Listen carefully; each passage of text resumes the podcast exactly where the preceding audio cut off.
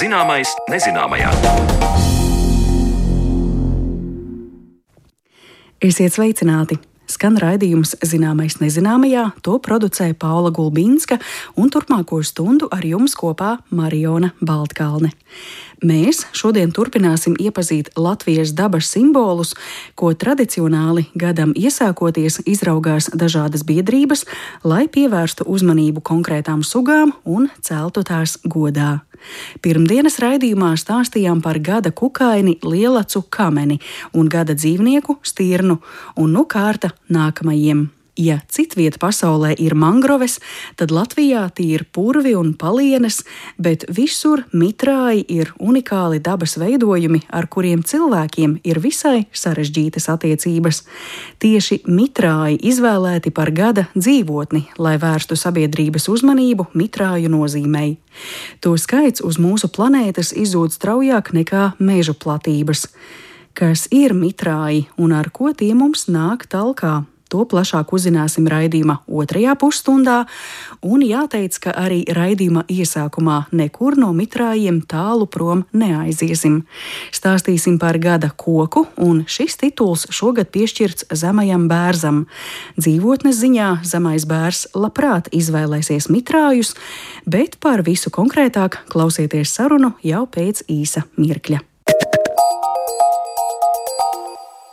Atpazīt šo koku nav tas vienkāršākais uzdevums, un varbūt tieši tāpēc ir tik īpaši, ka Latvijas dendrologu biedrība to izvēlējusies par gada koku 2024. Tas ir zemais bērs ar latīnisko nosaukumu Betula humilis. Jā, bērs, taču meklēt līdzības ar skaistajām balto bērzu virzīm nebūs solis pareizajā virzienā. Kaut nosaukumā ietverts bērs, izmēru ziņā šī gada varonis atšķiras un drīzāk līdzinās krūmam. Tāpēc dodamies dabā un atklājam vēl neiepazīto, bet pirms tam lai noder mūsu sagatavotais stāstījums. Atālināti ierakstītā sarunā tiekos ar Latvijas dendrologu biedrības valdes locekli, dendrologu Gvido Leiburgu. Turpmākajās minūtēs viņš skaidros, kas tad ir zināms par zemo bērzu un kur to meklēt meklēt, bet vispirms, kā šogad izvēle kritusi par labu tieši zemajam bērzam. Mums parasti ir tā, ka biedri izvirza vairākus pretendentus uz gada koku titulu un, attiecīgi, pamato, kāpēc šķiet, ka tieši šis taksons no attiecīgā suga būtu pelnīts būt par gada koku. Un bija vairākas sugas, piemēram, bija arī Kassandra, bet lielākais vairums vienojās, nu, ka gada koks šogad vajadzētu būt jā, zemējam bērzam. Mēs e, šīs nedēļas sākumā mūsu raidījumā iepazīstinājām arī ar gada kukaini un gada dzīvnieku. Un, ja runājam par gada dzīvnieku, kas šogad ir stirna, tad tur zooloģe Inta Lange stāstīja, ka tie veidi, kā tiek izraudzīts gada dzīvnieks, arī ir atšķirīgi. Dažkārt tas ir bijis kāds rets un aizsargājams dzīvnieks, dažkārt Latvijas dabā ļoti ierasts dzīvnieks, kā šogad stirna. Vienkārši laika gaitā sabiedrībai sakrā sakrājas ļoti daudz jautājumu un veidojas arī mīti par šo sugu. Kā galu galā jūsu biedri tad izvēlējās, ka šogad starp dažādiem variantiem tam ir jābūt zemajam bērzam? Kāpēc? Mums tas princips ir ļoti, ļoti līdzīgs arī kā citām biedrībām. Piemēram, iepriekšējais gads bija smaržu lapu rodas gads, Un tas rezultējās arī ar pētījumu, ko gan neveica biedrība, Dārgopils Universitāte. Līdz ar to mums tagad ir apkopota papildus informācija par smaržu laprozi, jo par to bija pieejams diezgan nepilnīga informācija. Tas ir devis tādu stimulu zinātnieku darbam papētīt šo. Un mums tāpat ir bijušas arī sugas, kas, kā parastā zirkasteņa, tam arī bija saistība ar to, ka cilvēks atraucās par lapu brūnēšanu, tad, tad suga ar problēmu. Tad, kā jau teicu, mazāk vairāk pētītas sugas, eh, bija arī tādas pavisam vienkāršas sugas, kā parastais kadiķis un eh, baltais vītols, parastā liepa, parastais ozols. Ļoti teiksim, tā, atšķirīgi. Bet par to zemo bērzu ir tā, ka zemajam bērzam arī ir eh, nu, teiksim, tā, ierobežots pētījuma apjoms par zemo bērzu. Ir, protams, vēsturiskie dati. Šobrīd es apskatījos, kā piemēram dabas aizsardzības pārvaldes dabas datu sistēmā Ozols, ja nekļūdos, uzrādās 122 sugas atradnes, un tās arī ir ļoti reģionāla izplatība. Pārsvarā tā ir Latgala. Ir arī vairākas atradnes vidzemē, un faktiski zemgālē, kur zemē ir tikai divas. Un tā tad ļoti reģionāla izplatība, kas arī ir loģiski, tāpēc ka zemais bērs Latvijā faktiski ir uz areāla robežas un vairāk ir sastopams uz austrumiem no Latvijas. Līdz ar to ir šobrīd jāsaprot, vai sugai apstākļi uzlabojušies, nu, salīdzinot ar vēsturiskajām atradnēm, atradņu skaitu, izplatību pa reģioniem, vai šie apstākļi ir pasliktinājušies, kas ir tie iemesli, kādēļ apstākļi ir pasliktinājušies. Nu, tad tas gada koks iedod faktiski kādam zinātniskā darba tēmu šajā gadā. Un, ja tas sanāk tā kā pagājušajā gadā līdzīgas mažu labprot, tas būtu, protams, ļoti produktīvi un ļoti jauki. Tad par eh, tādu retu un aizsargājumu sugu mēs nerunājam, bet eh, tas interesantais šajā gadījumā ir, ka suga tomēr ir kādā konkrētā Latvijas vietā. Jā, sugai ir reģionāla izplatība. Un lūk, te arī ir tas noslēpums, ka mēs pirms datu analīzes un aktualizācijas mēs arī nevaram izdarīt tādu secinājumu, ka ir vai nav reta vai apdraudēta. Nu, to faktiski var izdarīt tikai tad, kad ir iegūti jau tādi mērķiecīgi dati. Turklāt ir divas līdzīgas zemo, jeb krūmveida bērnu sugas, kas ir pundurbērs, betula nana, un šis zemais bērns, betula kumilis. Un pastāv arī iespēja, ka starp šīm divām sugām var veidoties arī starpsugu hibrīdi. Viņš jau tā vizuāli ir līdzīgs. Līdz ar to arī, vēl, ja ir šis starpsugu hibrīds, tad tur ir abu vecāku pazīmes. Līdz ar to, kamēr nav tāda detalizētāka pētījuma, ir arī, protams, pamats apšaubīt to, cik tiešām šīs atradnes tiešām ir betula humilis. Varbūt beig beigās izrādīsies, ka tās kurzemes atradnes varbūt ir kaut kas cits, varbūt tā ir nana vai kā savādāk. Mm -hmm. Lai gan arī betulē nanai, kas ir pundurbērs, ir arī raksturīga reģionāla izplatība. Betulnāna ir īpaši aizsargājuma suga, Un tā ir 147 atradnes pa visu Latviju. Tas nav daudz tieši vidzemē un, un Latvijā. Kā kaut kādā mērā tas izplatības areāls diezgan šīm sugām pārklājās. Tātad eh, Betula humilis eh, zemais bērs eh, gada koks šogad, jūsu pieminētais pundurbērs Betula nana gada koka godā tika celts 2005. gadā, tā ka šeit arī abām sugām jau ir kas kopīgs, bet droši vien liela lielai daļai cilvēku bērs saistās ar kaut ko pilnīgi citu. Mēs šeit runājām par krūmājiem, tādiem krūmaugiem, vai ne? Bet tad, kad mēs domājam jā, jā. par bērnu, tad bērns, nu taču bērnu birzis. Nu, bērzi. Jā, jā. Tās atradnes jau arī faktiski, kāpēc salīdzinoši tik maz ir, ir fiksētas šīs sugas, tur ir divi iemesli. Viens ir tas, ka viņš faktiski ir ļoti neievērojams. Nu, nav tā, ka šīs sugas var redzēt jau ļoti pa gabalu. Uh, cilvēkiem vienkārši nav par to informācijas. Ja kāds ierauga dzegušu kurpīti mežā, ja, orhideju, tad ir skaidrs, ka tas nepaies garām nepamanīts. Līdz ar to tad, uh, arī, protams, tur vairāk ienāk ziņojumi vai kādas ļoti košas stiepes, vai nu, arī kas ir īpaši aizsargājams. Līdz ar to tas augsts nav tik ļoti izcils. Tie tiešām ir krūmi. Un te jā, visai gribas vilkt tās paralēlas ar, ar pundurbērzu. Pundurbērs ir nedaudz zemāks, ar tādiem izliektākiem dzinumiem. Dzinumi ir ļoti tievi, nu, burtiski pāris milimetru diametrā. Jaunie dzinumi, es domāju. Un tas krūmiņš ir tiešām nu, pusmetrīgs, metrīgs, nu, varbūt nedaudz lielāks. Bet uh, zemais bērs jau ir nedaudz, nedaudz augstāks.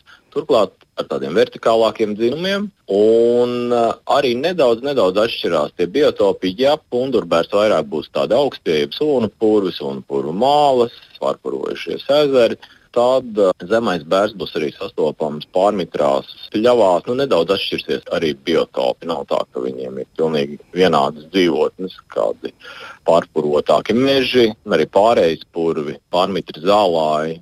Ezeru arī krasti, nu, kas abām sugām arī ir līdzīgi.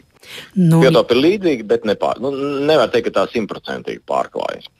Un, ja mēs tad liekam klāt tos bērzus, ko mēs parasti saistām ar bērziem, ar baltajām tāsīm, kas tad sanāk ir āra bērs, betula pendula, cik tad mums kopā Jā. bērzu sugu Latvijā sanāk šīs trīs, vai ir vēl kādas? Nu tā, tad mums ir ārbērs, ko cilvēki pazīst kā bērzu. Ārbērs. Bet to penu, kas izaug liels, tiešām pirmā lieluma koks, tas nozīmē, ka nu, viņš sasniedz savus 30 metrus, tiešām ar nokarniem, zariem un rombiskām lapām. Tas ir bieži sastopams suga Latvijā. Tad otra bērnu suga ir nedaudz, nedaudz zemāks par ārbērzu. Tas ir purva bērs. Purva bērzam ir atkal jau tāds slotveidīgāks zarojums. Tas ir tāds kā zemais bērs, tikai liels. Nu, protams, ar vienu stumbru, vairāk vai mazāk, bet nu, tas stumbrs jau nav tik taisnīgs, izlocītāks, nedaudz pelēcīgāks, nav ar tādu izteikti baltā, tāsu, melnā kreve. Arī lapas ir matainākas, un lapa forma ir nedaudz iepaļāka. Un tas arī ir bieži sastopams kā ārā bērns. Tas arī, protams, tas ir bieži sastopams. Un purbērs arī tas nosaukums jau liecina, ka tādas pārmitrākas vietas, sliktāki augšanas apstākļi, ka tās būs vietas, kur vairāk sastapsim purbērnu sausākās vietās, labākos augšanas apstākļos sastapsim ārbērus. Tātad divas sugas, tad ir šie divi krūmi, kas nu, ir pilnīgi, nu, pilnīgi savādāki. Izskatās pēc tādiem, nezinu, pa gabalu pēc kārkliem. Jā, tā droši mm. vien nebūtu korekti, kā dendrologam teikt, bet nu, kaut kā tā. Un, nu, jā, tad vēl diskusija, protams, ir par tumšo bērnu, cik lielā mērā to mēs varētu pieskaitīt savai florai, cik tomēr vairāk tas ir polijas reģiona suga. Tā kā nu, četras mums ir noteikti mūsu vietējās bērnu sugas, un, un varbūt tā piektā ir uz jautājumu zīmi. Droši vien, ka šis gads jums iedos arī labāku sapratni, kāda tad ir situācija ar zemo bērzu Latvijā, bet kas ir zināms eh, līdz šim, teiksim, vai kādi konkrēti klimatiski apstākļi vai kādi citi nosacījumi zemajam bērzam īpaši nāk par labu vai īpaši kaitē? Jā, nu, viens no tiem iemesliem ir šis plašākais konteksts ar mitrājiem. Līdz ar to, ja mitrājiem ir labs aizsardzības stāvoklis, mitrāji ir labā kondīcijā, mitrāja platības ir pietiekami lielas, nenotiek arī tāda ļoti intensīva aizaugšana vai meliorācijas ietekme, tad šīm abām mazo bērnu sugām, es domāju, klātos tā relatīvi labi. Bet, protams, jāņem vērā arī klimata izmaiņas. Jo abas šīs tomēr ir vairāk tādas kontinentālas sugas. Piemēram, tas pats fundurbērs, nu, viņš arī ir kalnu suga, sastopams arī kalnos, un nu, viņam ir vajadzīgs vēsāks klimats, un līdz ar to arī pirmkārt klimata ietekme, un otrkārt ir cilvēka darbība. Un mēs satraucamies par to arī lauksaimniecības attīstības kontekstā, meža saimniecības attīstības kontekstā, ezeru uzturēšanas kontekstā ka var tikt apdraudētas zemā bērnu dzīvotnes. Arī īpaši ņemot vērā, ka šobrīd ļoti aktīvi piemēram, notiek dažādu krūmu šķeldošana, nu, tā mehāniski ļoti lielās platībās. Un tas rada zināmu satraukumu par to, kā šai sugai turpmāk klāsies. Un kaut ko ļoti līdzīgu arī iepriekšējā gada suga jau apstiprināja, kas arī faktiski no ceļmalām ir iedzīta mežā, tāpēc ka ceļmalas tiek intensīvi apsaimniekotas. Savukārt mežā augšanas apstākļi nevienmēr ir labvēlīgi, rozē savukārt ir vajadzīga salīdzinoši vairāk gaisma, un jā, tas par iepriekšējā gada koku augstu meža laprozi. Un arī, protams, jā, intensīvāk lauksaimniecības attīstība. Nu, ja lauksaimniecība ļoti intensificējas, tad nu, tiek atņemti šie mikroskopiskie nelielie zemes gabaliņi, kas ir tāds patvērums šādām te arī tā skaitā aizsargājumam un retām sugām. Tas ir tas, kas rada satraukumu. Tur, protams, nevarēs precīzi pateikt, vai visos gadījumos tā ietekme ir tikai cilvēka darbība vai tikai klimats. Nu, tas, ka nav daudz, to jau liecina šie 122 punkti.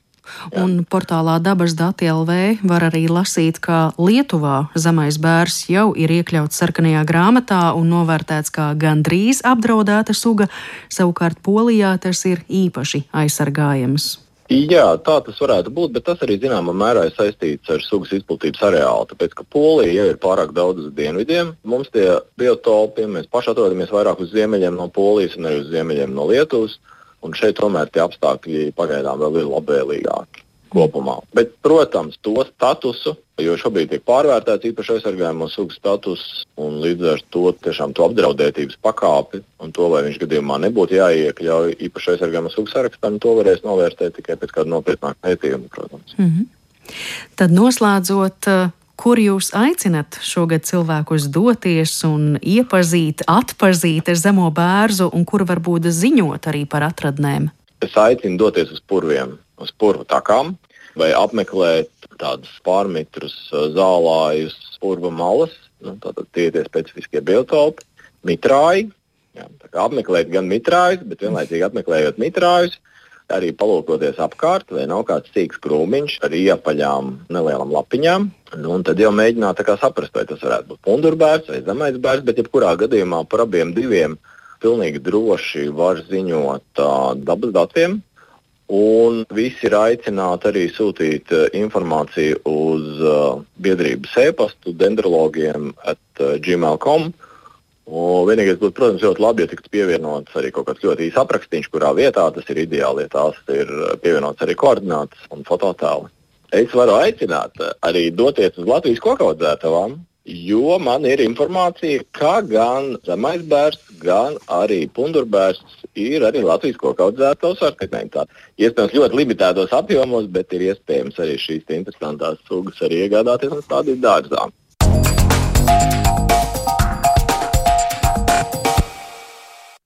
Ar gada koku 2024 zemo bērzu iepazīstināja Latvijas dendrologu biedrības valdes loceklis dendrologs Gvido Leiburgs. Zemo bērzu un daudzas citas augu un dzīvnieku sugas iespējams sastapt mitrājos, un plašāk par šo jēdzienu un mitrāju lomu mūsu dzīvē stāsts pēc brīža raidījuma turpinājumā.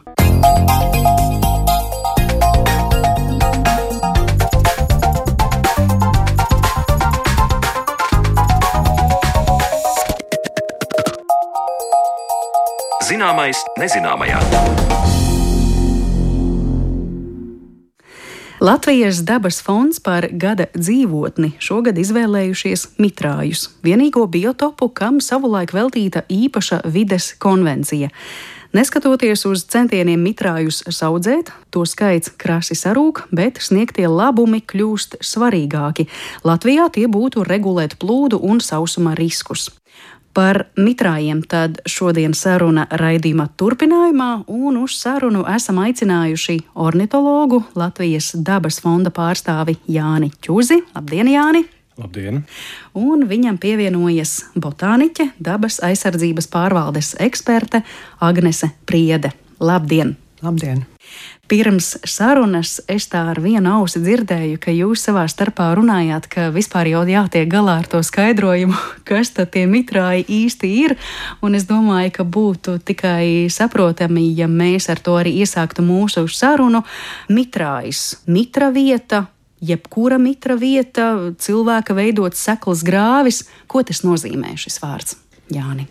Jā, nu, ja mēs pieturamies pie definīcijām, tad uh, droši vien pirmais, ko mēs varētu izmantot, ir Ramsāras konvencijas sniegtā mitrāja definīcija.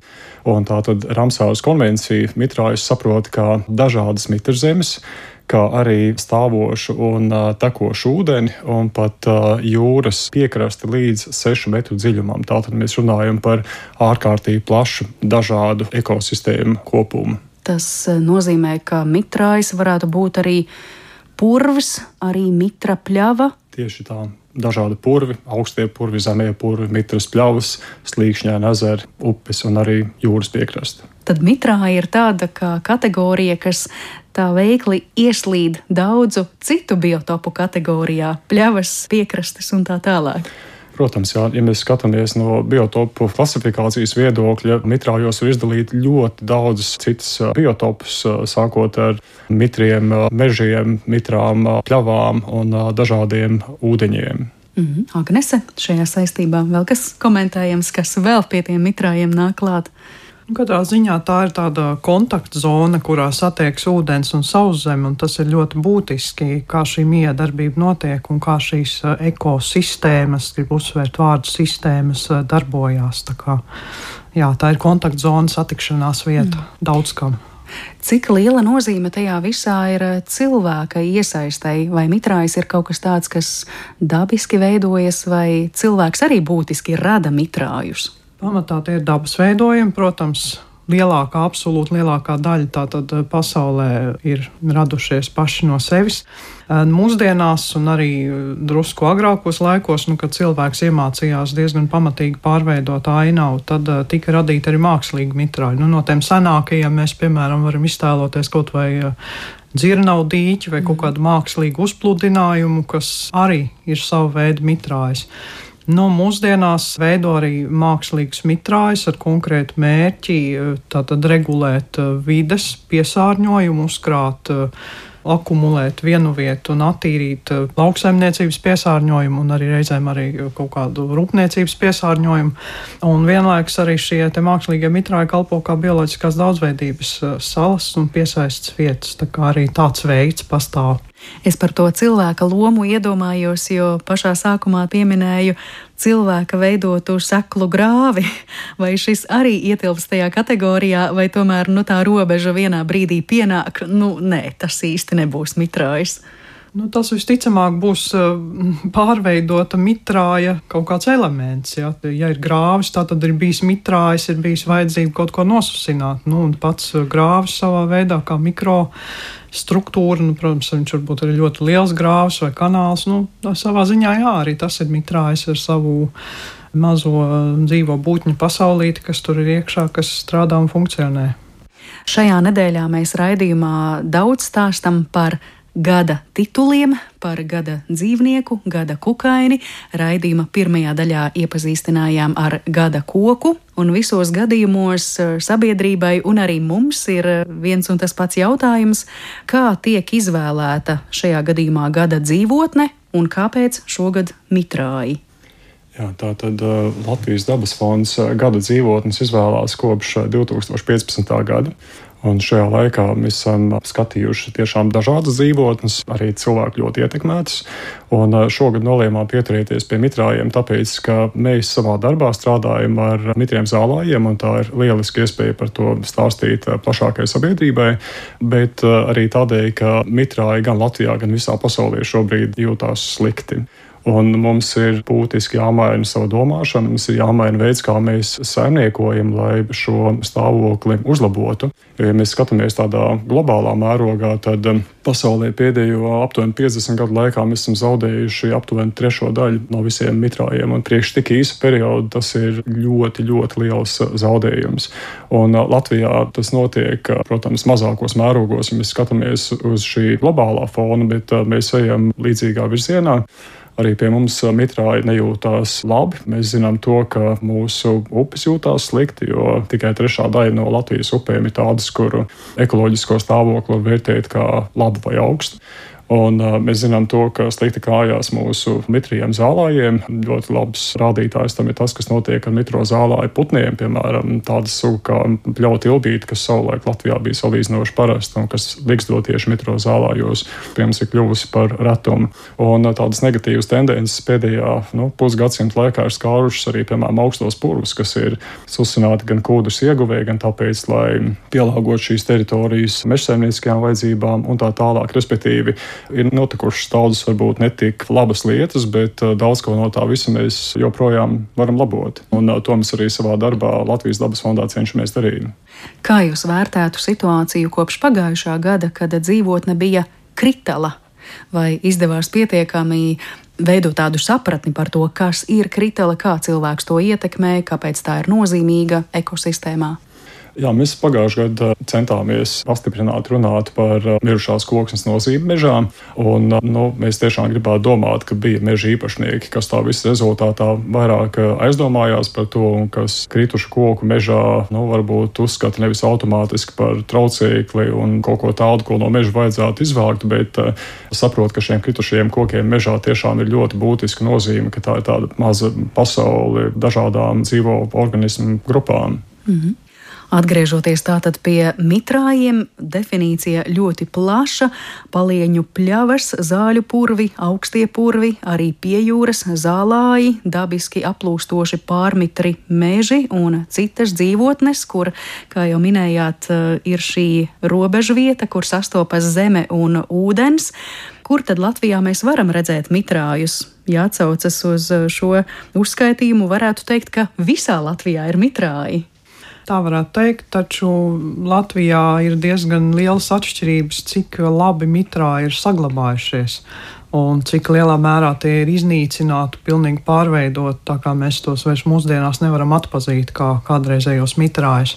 Nu, droši vien vislabākajā stāvoklī un lielākajās platībās tie ar vienu ir aizsargājumās teritorijās. Nu, te katrs droši vien iedomāsies savam reģionam raksturīgo, nu, piemēram, ķemeru nacionālais parks, Teiču rezervāts, Lubāna mitrājs, Liepājas ezera apkārtne, Papas ezera apkārtne un citi. Ja? Tātad šie purvainie ezeriem bagātie mitrāji, dažāda veida palieņu apvidi. Un savukārt, piemēram, zemgale, kur vispār jau purvi ir bijuši, bet mūsdienās tie ir tiešām uz rokas pirkstiem saskaitām arī pierīgi tajā skaitā, ja kur lielākā daļa ir pilnīgi pārveidoti. Nu, labākie gadījumā tur ir atlikusi varbūt kūdras augsne, bet tas ir viss no purva. Tas ir tikai viens komponents, bet viss šī dzīvā purva daļa ir pilnībā zaudēta un pārveidota vai no ārzemē, vai apmežota, vai apbūvēta, vai kaut kas cits ir noticis. Bet kāpēc Latvijā vispār ir mitrāji un mūsu reģionā tas tātad, nu, pats pats svarīgākais ir ūdens. Tas, kā nokrišņi ir vairāk nekā iztvaikojumi, un tas ir tas pamata priekšnosacījums, kādēļ mitrāji mums ir, kādēļ tie ir saglabājušies un kādēļ tie veidojas arī mūsdienās. Saistībā tieši ar ūdeni, ar mitrumu jautājums, vai mitrājiem visu laiku ir jābūt ūdenī, vai mitrums ir neatņemama sastāvdaļa nemitīgi. Mitrums nozīmē arī to, ka ūdens var būt eh, nu, zem tās redzamās ainās, ja, bet viņš turpat ir eh, tuvu augsnes virskārtē. Piemēram, ir tāds zālāja veids, kas tā arī sauc, mitri zālāja periodiski izžūstošās augsnēs, kas ir ļoti, ļoti interesanti un sugām bagāti. Tur visas orhidejas un visādas retas sugas.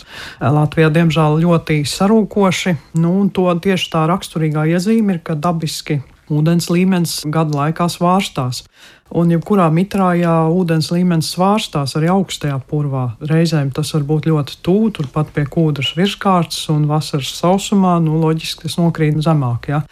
Bet tas, kas notiek tad, kad jebkurš mitrājs tiek nosusināts, mēs panākam mākslīgi ļoti izteikts lielas ūdens līmeņa svārstības, kas jau apdraud šo mitrāju un tajā augošos augus un tālāk pa ķēderi, protams, dzīvniekus un visus citus organismus. Par šīm sugām tad tieši arī paturpināsim. Jānis jau vienu mirklī minēja e, putnus.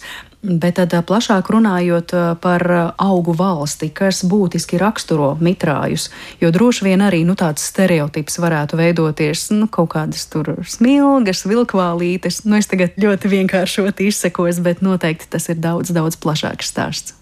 Jā, es domāju, ka katrs, kas vispār iet dabā vai kaut ko lieto no Latvijas produktiem, noteikti zina un pazīst vairākus mitrāju augus, bez kuriem varbūt pat Latvija būtu grūti iedomājama. Piemēram, dzērvenis. Mm -hmm. Nebūs augstā purva, nebūs dzērvenis, jo citur šīs augs nespēja augt. Latvijā divas dzērveņu sugas pat un mākslīgi tiek audzētas vēl Amerikas lielogu dzērvenis, lācenis, piemēram, spilves, sfagni tādas, ko mēs katrs pazīstam, pat ja varbūt neprotam vārdā nosaukt tādu, kas neiet dabā, bet mēs zinām, kas tas ir, un šie visi ir mitrāji augi.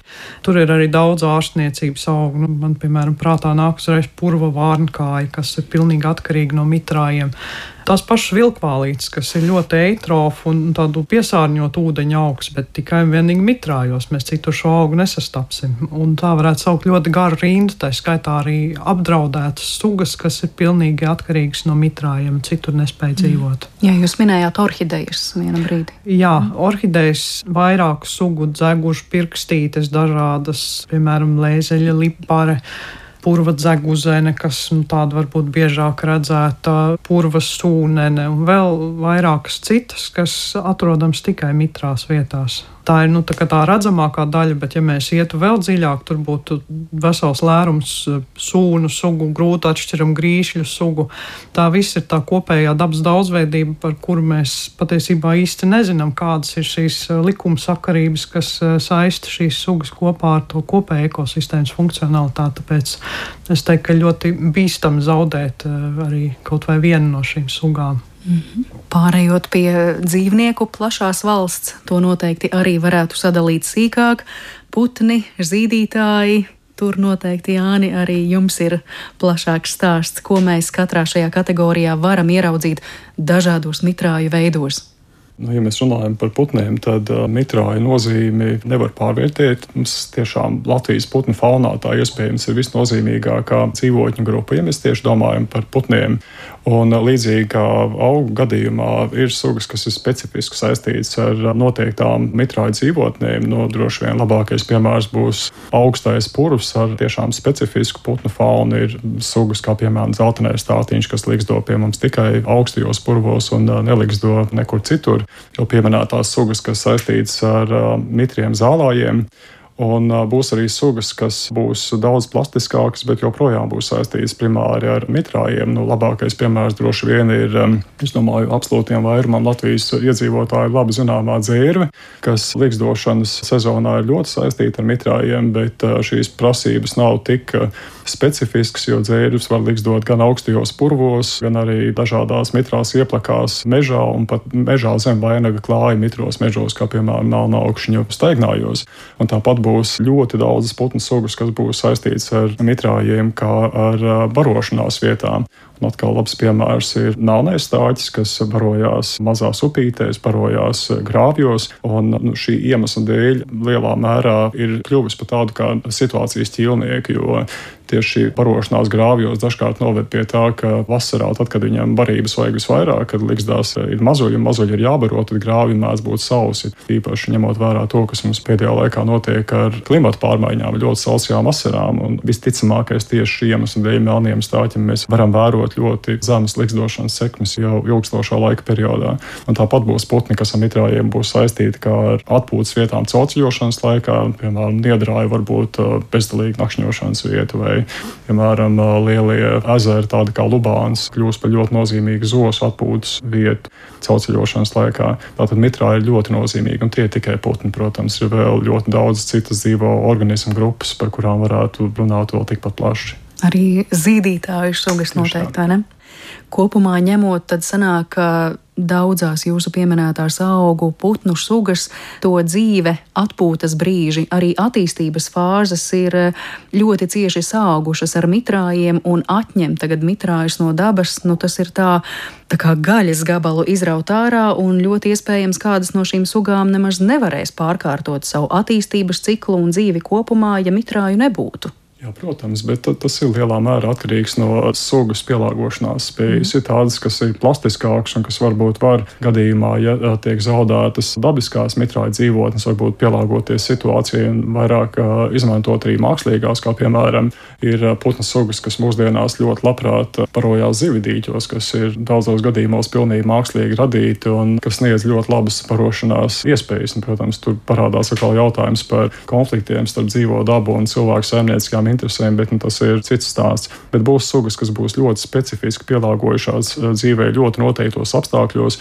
un tās uz šo dzīvotņu platību sarukšanu rieģēs daudz sāpīgāk.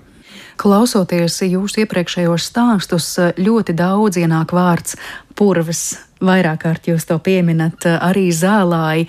Es tagad gribētu teikt tā, vai tā būtu pareizi, tad uh, dēvēt, ka mitrājs tas ir tāds kā lielais jumts, zem kura tad mēs apakšā varam palikt šīs lūk mitrās pļavas un uh, palienes un krastus un purvus. Daudzi tie klasiski pieņemtie biotopi patiesībā satiekas zem tāda lietussārga ar nosaukumu mitrājs. Jā, tas ir tāds virsjēdziens, jo mēs nevaram pateikt tieši, kas ir mitrājs. Tas nav kaut kāds noteikts veids. Mēs nevaram pateikt, kā tas izskatās, ja, bet uh, mēs to varam sadalīt sīkākās grupiņās, ļoti atšķirīgos, savstarpēji gan pēc barošanās režīma, tas ir, kur šie mitrāji ņem ūdeni. Tas var būt gan no pazemes, gan no nokrišņiem pamatā, gan miksētā veidā, gan pēc tā, vai tur ir kūdra vai nav kūdra, vai tur ir virsū ūdens vai nav un tā tālāk. Un tā tālāk. Un uh, vēl jāņem vērā, ka bieži vien šie mitrāji, purvi īpaši ir arī ļoti individuāli. Viņiem, protams, ir kopīgs vienojošs iezīmes, taču šis hidroloģiskais režīms, un ja mēs teiksim, aizējām līdz purva atjaunošanas vajadzībai, mēs ļoti labi to izjūtam, ka mums vajadzīga individuāla pieeja. Mēs nevaram paņemt grāmatu, mhm. atvērt un tagad visu izdarīt pareizi. Mums ir jāprēta konkrētās vietas apstākļi, jo ūdens plūsmas, tur dažādas citas īpatnības ir ļoti raksturīgas tieši konkrētai vietai ko savukārt nosaka reliefs, nogulumi un daudz citu apstākļu. Ir jābūt ļoti gudriem, lai mhm. strādātu ar mitrājiem un tos izprastu. Tā kā liels skapis ar daudzām, daudzām atvilktnēm, un katrā ir pilnīgi cits saturs. Jūs plaši izstāstījāt par to tiešām fantastisko sugu daudzveidību, kas mitrājos ir, bet uh, droši vien cilvēkiem domas viedokļi varētu tāpat būt atšķirīgi, ka mitrāji traucē lauksaimniecībai, raža nedrīkst pārāk ilgi mērcēties ūdenī, no tāda būvniecības skatījumā arī nav labi. Galu galā mitrums nozīmē vāju grunti, tur būtu dārgi un sarežģīti būvēt. Visur tas traucē, un varbūt mēs nemaz neaizdomājamies par to, ko mitrāji mums dod. Te Agnese minēja dzērvenes, bet droši vien tie labumi, ko mēs gūstam vispār tādā vides un praktiskā ziņā, ir daudz, daudz lielāki. Varbūt par to jūs varētu ieskicēt. Jā, nu, tieši jūsu minētie mitrāju radītie apgrūtinājumi arī ir galvenais iemesls, kāpēc mitrāju šajā, nu, ja tā var izteikties, cīņā ar cilvēku ir kļuvuši par zaudētājiem. Un uh, mitrāji tiek apgūti visdažādākajos veidos, saimnieciskā ziņā, uzsinot, būvējot polderus, pārveidojot uh, industriālās teritorijās, un ļoti tiek ietekmētas piekrastes zonas, piemēram, mangrovi kādreizējās platības, kas tiek apgūtas dažādu ostu infrastruktūras būvēju un tam līdzīgi pasaulē. Tātad mitrāja platības samazinās, bet tajā pašā laikā mēs no mitrājiem esam ļoti, ļoti atkarīgi. Un uh, viens ļoti labs piemērs ir tas, ka tikai 3 3% no pasaules cietzemes teritorijas klāja kūdrzemes bet šajās kūdrzemēs ir uzkrāti 30% no visu oglekļa, ko pasaules sauszemes ekosistēmas sevī uzglabā. Un tas ir ļoti, ļoti nozīmīgs cipars. To labāk varētu raksturot, ja mēs domājam tieši par mūsu vietējiem piemēriem, mūsu pašu augstie purvi. Kaut vai tepat pierīgā esošais ķemēra tīrelis, kas ir vienas no dabā efektīvākajām oglekļa uzkrāšanas sistēmām. Un šis ogleklis tur krājies gadu tūkstošos, uzkrājies ļoti, ļoti lielos apjomos. Un tajā brīdī, kad mēs šīs kūdras zemes sākam susināt, sākam saimnieciski apgūt, mēs panākam to, ka šis ilgus gadu tūkstošus uzglabātais ogleklis tiek atbrīvots un nonāk atpakaļ atmosfērā. Tad mēs varam atkal runāt par visu to, ko nozīmē globālā sasilšana un nu, ko tas nozīmē mums kā cilvēkiem. Bet uh, mitrā sniedz arī citus no nu, tādus svešvārdus, varbūt lietojot ekosistēmu pakalpojumus. Tātad tie ir dabas sniegtie pakalpojumi mums kā cilvēcei. Un uh, ļoti nozīmīgs ir plūdu ūdens regulēšana, jo palienis ir ļoti efektīvs plūdu ūdeņa uzkrājējs vai palūdeņa uzkrājējs. Mēs varam iztēloties, kas notiek pavasarī, kad pie mums kūš sniegs. Un un uh, liels apjoms sniega kušanas ūdeņiem nonāk upēs, upes pārplūst un tālāk šis ūdens pa straumu aizplūst projām uz jūru. Un, uh, ja šīs pavienas ir iedambētas, meliorētas, tad šie palūdeņi vienkārši noplūst daudz ātrāk. Un, protams, nu, tāpēc jau tā meliorācija tur būvēta, lai šīs zemes padarītu sausākas ātrāk un tur ātrāk varētu saimniekot, bet tajā pašā laikā tas nozīmē to, ka tam ūdenim kaut kur jāpaliek, un tad no, šie plūdu riski parādās tālāk kaut kur pa straumu uz leju. Un šī iemesla dēļ mūsdienās arī pilsētu plānošanā tiek izmantot tā saucamie zaļās infrastruktūras izcinājumi, kas paredz piemēram to, ka pēc lielām lietusgāzēm ūdens nevis tiek ievadīts kanalizācijā, bet viņam tiek ļauts uzkrāties mākslīgi veidotos mitrājos pilsētas teritorijā, un pēc tam šis ūdens pamazām nožast, tātad viņš neapgrūtina pilsētas kanalizācijas sistēmu. Ļoti konkrēts piemērs, un pasaulē tiek ļoti plaši izmantots. Tātad šie ir tikai divi piemēri, bet mitrājiem vēl ir ļoti daudz citu mums, kā cilvēkiem, svarīga funkcija, kuras mums vienkārši vajadzētu ļaut šiem mitrājiem strādāt arī mūsu labā. Mm -hmm. Ūdens attīrīšana tiek minēta vēl kā biežs labums no mitrājiem. Nu, šeit būtu svarīgi piebilst, ka tas jau arī ir iestrādāts jau visā mūsdienu vidas politikā, ja, ka mitrā ir to sauc par dabā balstītu risinājumu. Jo šie mitrā ir nu, gan visādos aprēķinos, jau tas ir parādīts gan praksē visā pasaulē, ka tas ir ilgspējīgāks un arī lētāks risinājums brīdī, kad mēs saskaramies ar kaut kādiem katastrofāliem dabas notikumiem. Nu, ja klimata pārmaiņa izraisītās dažādi ekstrēmi notikumi, nu, faktiski ir neizbēgami, tad varam vai nevaram tos novērst. Tas ir viens jautājums, bet otrs ir, ka mums ir jāspēj pielāgoties un izdzīvot šajos apstākļos. Ja? Un tad mitrāji būtu ļoti, ļoti nozīmīgs risinājums, kā mazināt kaut kādus katastrofālus plūdus, vētru ietekmes un tam līdzīgi. Ja? Un tas ir risinājums arī un, un motivācija, kādēļ atjaunot degradētos mitrājus un arī veidot mākslīgos mitrājus gan pilsētvidē, gan laukainavā. No vienas puses ūdens attīrīšana, bet no otras puses arī varētu likties, ka Ja šajā vidē ir mitrums, tad eh, varbūt tur tas piesārņojums arī tieši sakrājas, piemēram, stāvoši grāvju ūdeņi, ka tur varētu veidoties piesārņojums no atkritumiem, no šosejām, no lauksaimniecības zemēm.